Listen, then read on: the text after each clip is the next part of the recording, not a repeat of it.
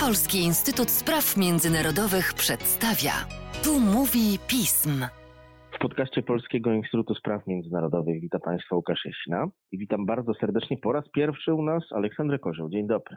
Cześć Łukaszu, dzień dobry Państwu. Kilka dni temu ukazał się Twój biuletyn o harmonizacji polityki kosmicznej Unii Europejskiej. Przyznam się, że byłem tym bardzo zaskoczony. Nie tym oczywiście, że istnieje polityka kosmiczna Unii Europejskiej, bo tak wielka instytucja, organizacja, podmiot międzynarodowy, jakim jest Unia Europejska, powinna coś takiego mieć. Publikowaliśmy w piśmie teksty na temat polityki kosmicznej Stanów Zjednoczonych, chińskiej polityki kosmicznej, różne rzeczy się zdarzały, więc i na ten przyszła pora. Zadając Ci pierwsze krótkie pytanie na początek, nie mogę jednak opędzić się od zdziwienia, że Unia znalazła czas na to, aby się tym programem kosmicznym zająć i nawet przedstawić projekty jego rozszerzenia w czasie największego kryzysu. To godne podziwu. Jakie są te plany Unii Europejskiej wobec działań w kosmosie?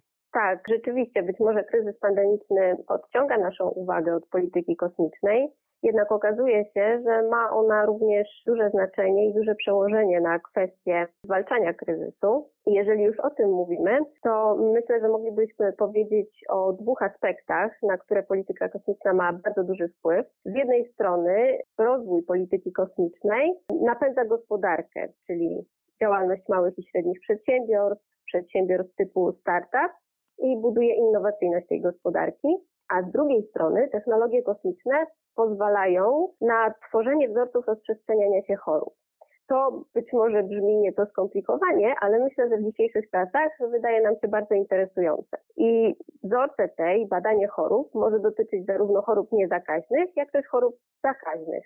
Gdy myślimy o chorobach niezakaźnych, to pewnie kwestia jest nieco prostsza, ponieważ są to choroby typu zawały, udary, rak, a wiążą się one z zanieczyszczeniem powietrza. Myślę, że na ten temat mamy już w Polsce sporo informacji, natomiast jeden z flagowych projektów Unii Europejskiej, o którym myślę, że w szczegółach powiemy za chwilę, pozwala nam zbierać informacje na temat stanu powietrza, a w ten sposób analizować prognozować i zapobiegać tego typu chorobom. Druga rzecz to są choroby zakaźne i myślę, że one ze względu na trwającą pandemię interesują nas nieco bardziej. Jednym z dotąd najlepiej zbadanych przykładów jest kwestia malarii, naukowcy powiązali zależność występowania tej choroby od szeregu parametrów środowiskowych, takich jak opady deszczu, roślinność, temperatura powietrza, a nawet odległość od najbliższej placówki medycznej. Widzimy więc, że te kwestie, bardzo skomplikowane,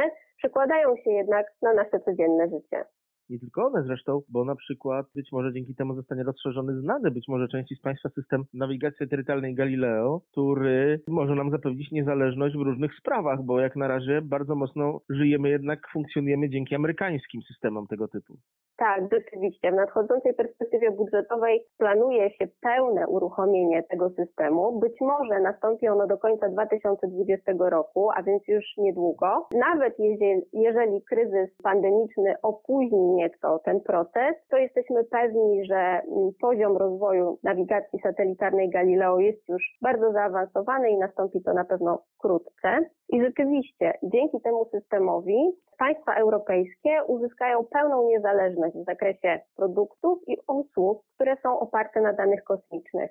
A jest ich rzeczywiście bardzo wiele, ponieważ z naszego codziennego punktu widzenia chociażby jest to nawigacja osobista, którą każdy ma w naszych smartfonach, ale są to też rzeczy, które przekładają się na kwestie nieco bardziej skomplikowane, takie jak usługi dla transportu i logistyki, jak bankowość elektroniczna, czy działania poszukiwawcze i ratunkowe, a więc również bardzo istotne z naszego codziennego punktu widzenia.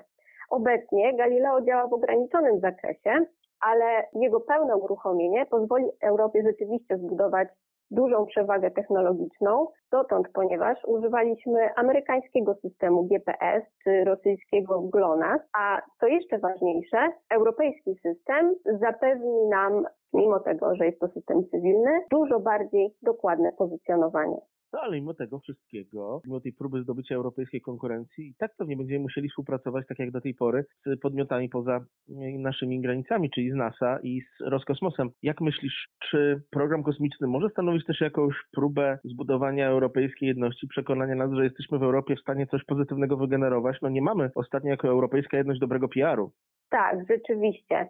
Myślę, że wysokie koszty i niezbędna infrastruktura które są potrzebne do realizacji programów kosmicznych, a tak jak już wspomnieliśmy, są one bardzo kosztochłonne i niezwykle rozbudowane, pozwalają państwom bez współpracy, państwom europejskim, lepiej rozwijać ich zdolności i uniezależniać się od takich liderów technologii kosmicznych jak Stany Zjednoczone, Rosja, czy nawet Chiny, Japonia, Indie. Więc współpraca jest bardzo istotna przy prowadzeniu tych dużych projektów i tak jak mówiłeś, następuje to nie tylko w ramach Unii Europejskiej czy w ramach państw europejskich, ale współpraca ta odbywa się także na poziomie globalnym, co wskazuje, jak istotne ma ona znaczenie. W związku z tym Europa prowadzi wspólne projekty, na przykład z NASA w ramach eksploracji Księżyca, czy z Roskosmosem, gdzie mówimy o wyprawie badawczej na Marsa. Polska też ma przecież swoje kosmiczne instytucje, badaczy, uczestniczyły w różnych projektach. Jak ważnym potencjalnie dla Polski jako członka Unii Europejskiej może być ta rozbudowa projektów kosmicznych Unii Europejskiej?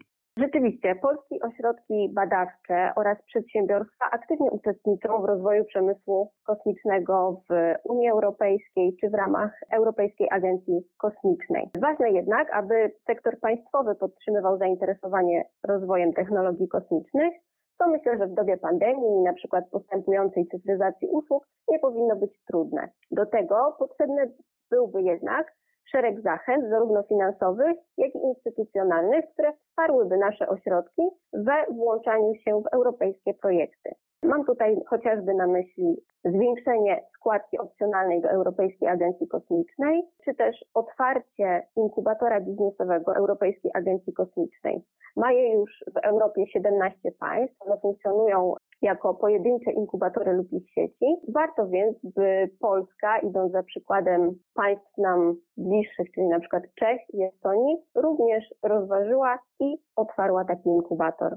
Same dobre wiadomości. Proszę Państwa, jak widzicie, w Europie dzieją się nie tylko rzeczy związane z pandemią. Planujemy też czasem, co będzie po niej i jak wspomożemy nasze gospodarki, ale i nasze europejskie skołatane ambicje. Namawiam Państwa do czytania buletynu o harmonizacji działaniu wobec kosmosu na stronie Pisma. Aleksandrze Kozioł, dziękuję bardzo za pierwszy występ u nas w podcaście. Bardzo Ci dziękuję, Łukaszu, dziękuję Państwu.